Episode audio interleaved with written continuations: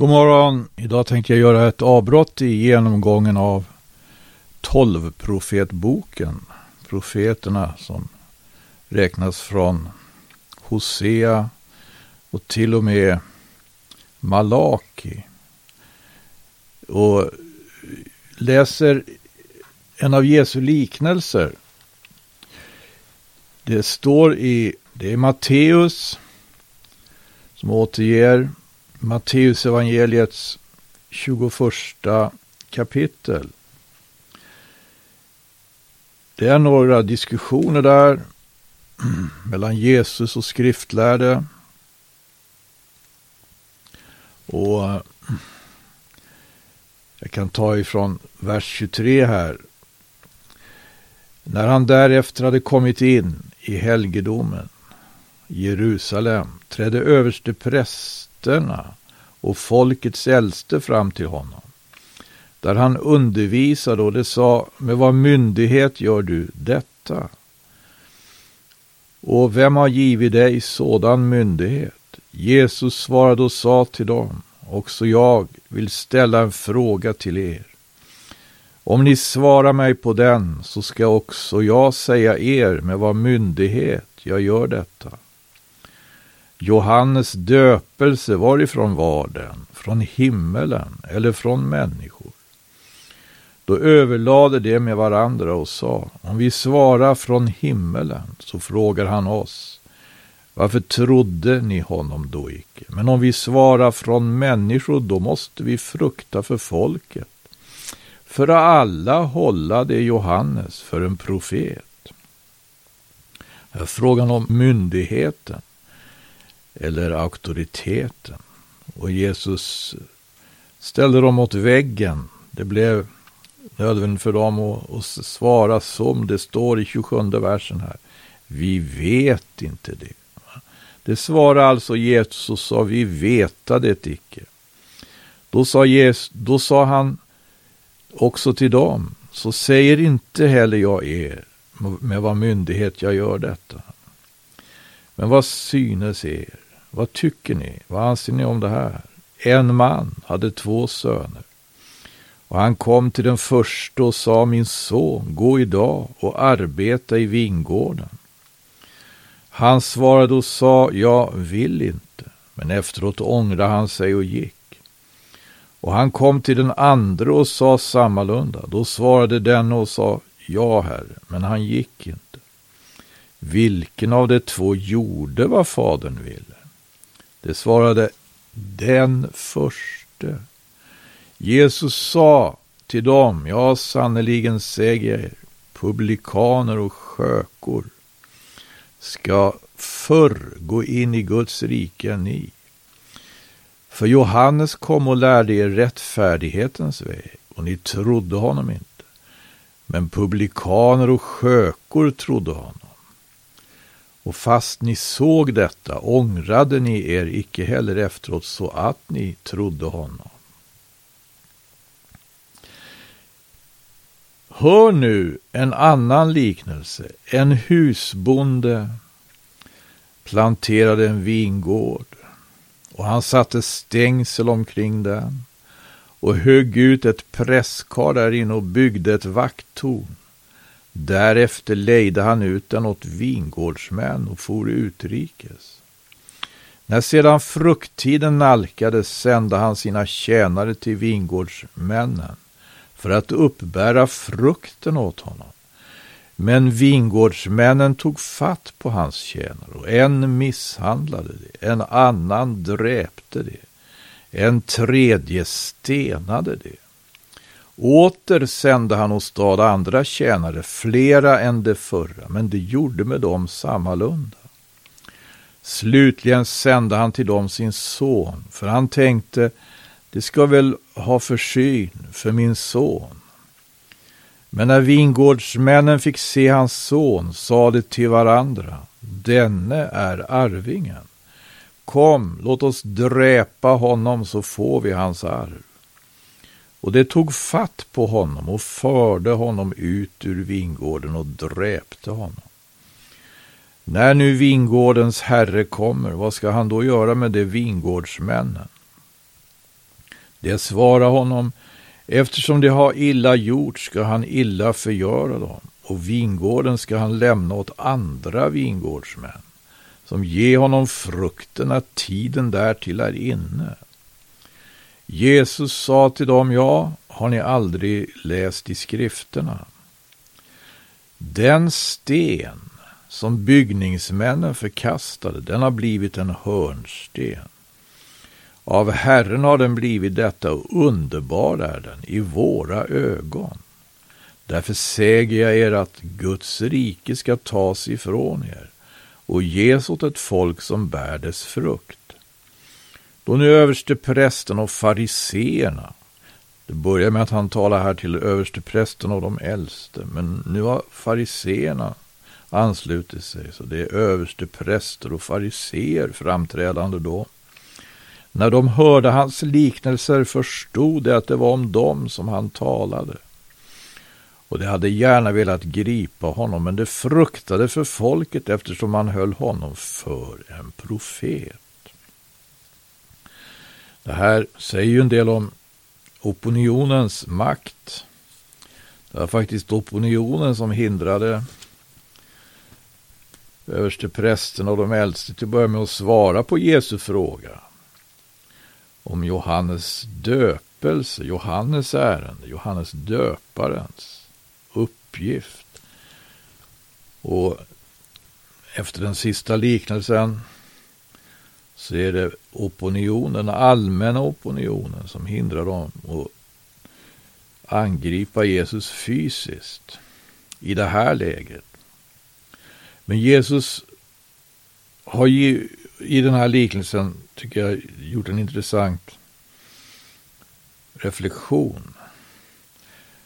Det handlar om arbetarna i vingården, den här sista då liknelsen. Och vingårdsmännen som blir byggningsmännen. Han talar om vingårdsmännen och så jämför han dem med byggningsmännen som det talas om i en av Saltasalmerna, psalm 118. Där vi har det här ordet, den sten som byggningsmännen förkastade har blivit en hörnsten. Byggningsmännen, det, finns ett, det är ett profetiskt ord. Och det talar just om det som sker då.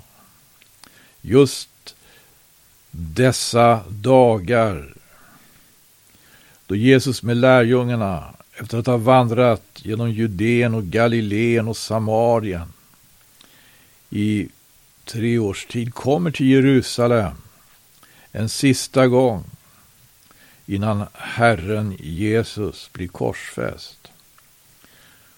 Och då påminner han bland annat om det här ordet. Och den sten som byggningsmännen förkastade har blivit en hörnsten.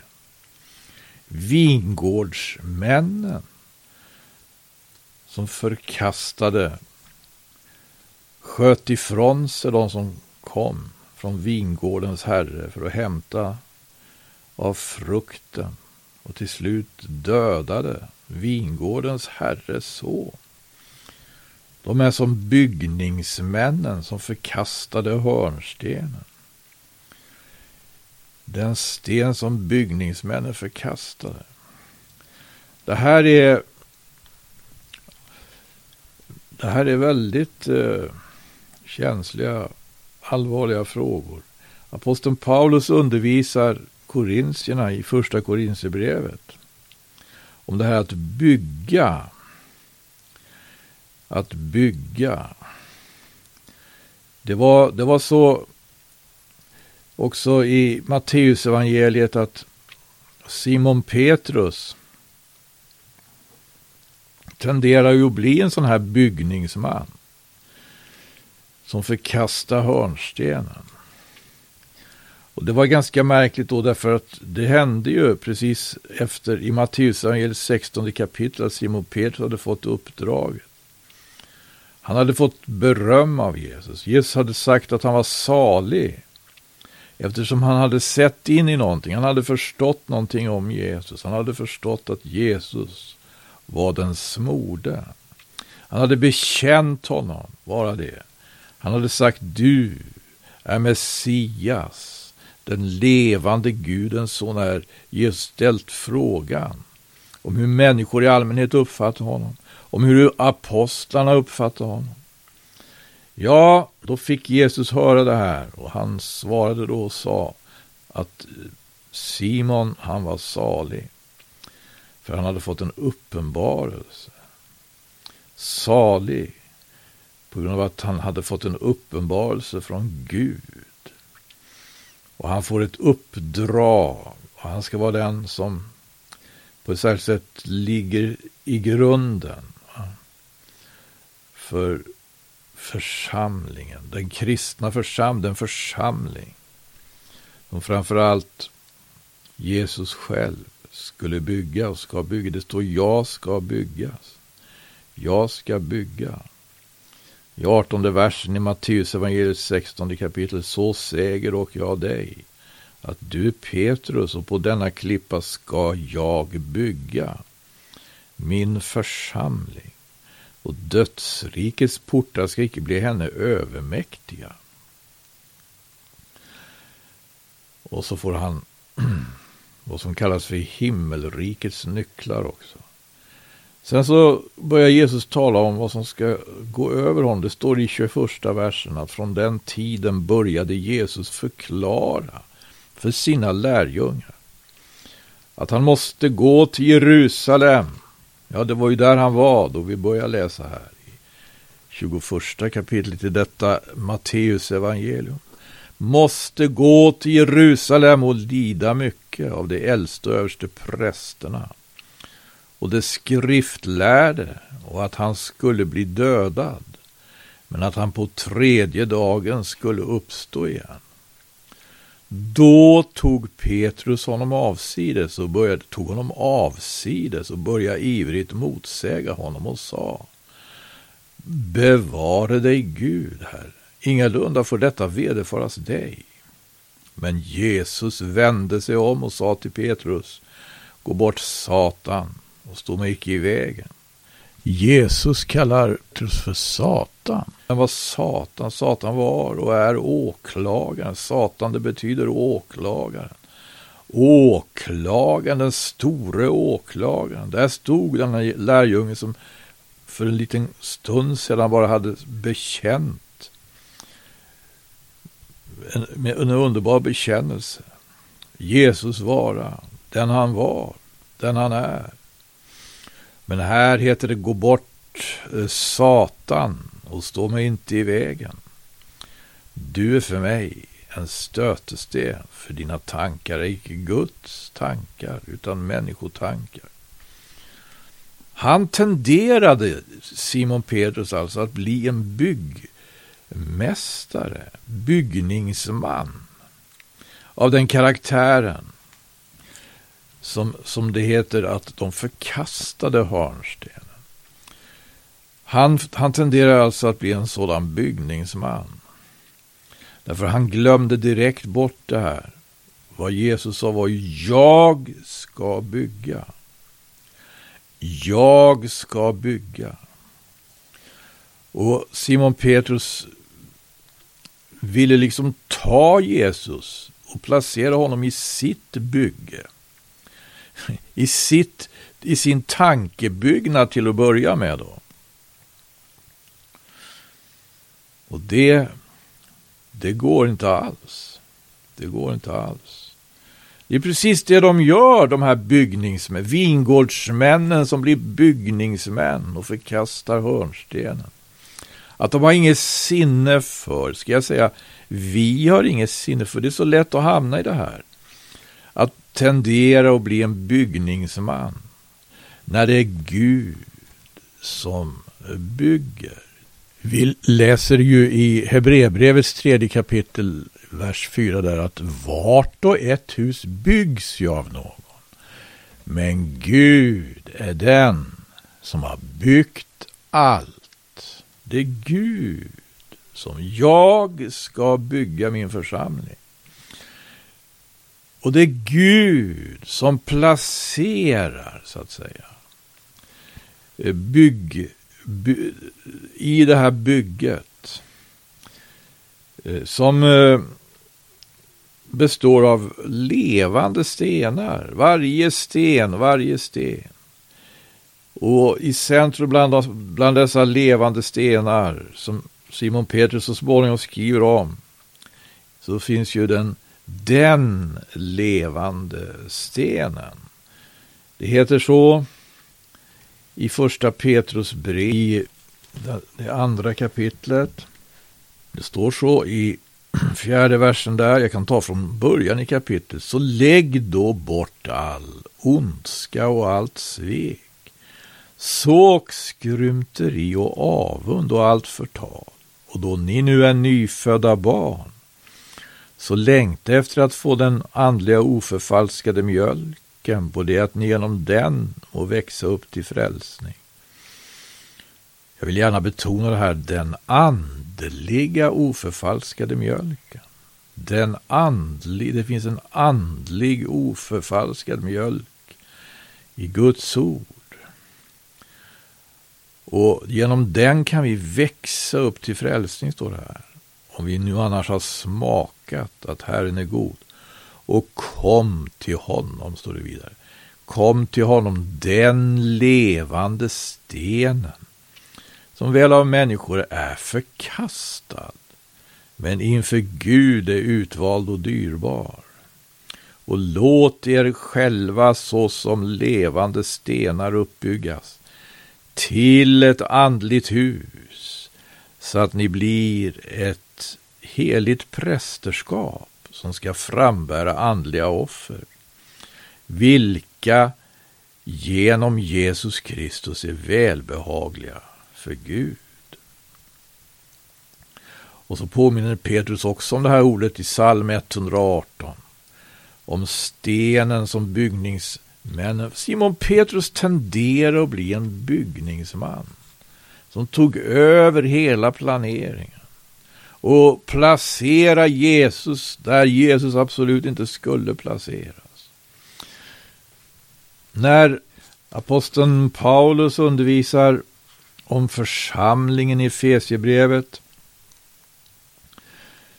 så är det enormt att läsa om just den här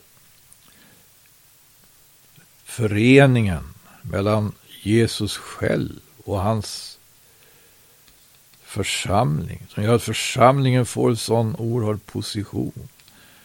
Jesus har, genom att han har dött på kors, genom att han har utgjutit sitt blod. Gud har, genom att Jesus har utgjutit sitt blod och genom att han har sänt sin ande, Gud har sänt sin ande i Jesu namn åstadkommit just denna oerhörda, detta oerhörda förhållande. Och i Fesierbrevets andra kapitel så heter det så här då. Aposteln Paulus undervisar och skriver om, om Jesus Kristus.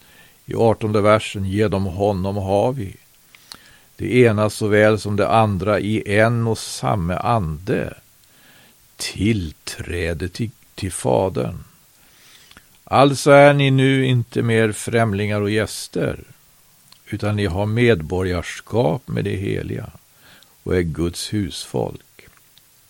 Uppbyggda på apostlarnas och profeternas grundval, där hörnstenen är Kristus Jesus själv, i vilken allt det som uppbyggs blir sammanslutet och så växer upp till ett heligt tempel i Herren.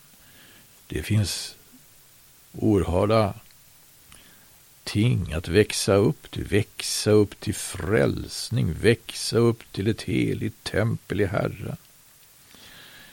Ja, till en Guds boning i anden, står det här. Och vi vill gärna upprepa det här då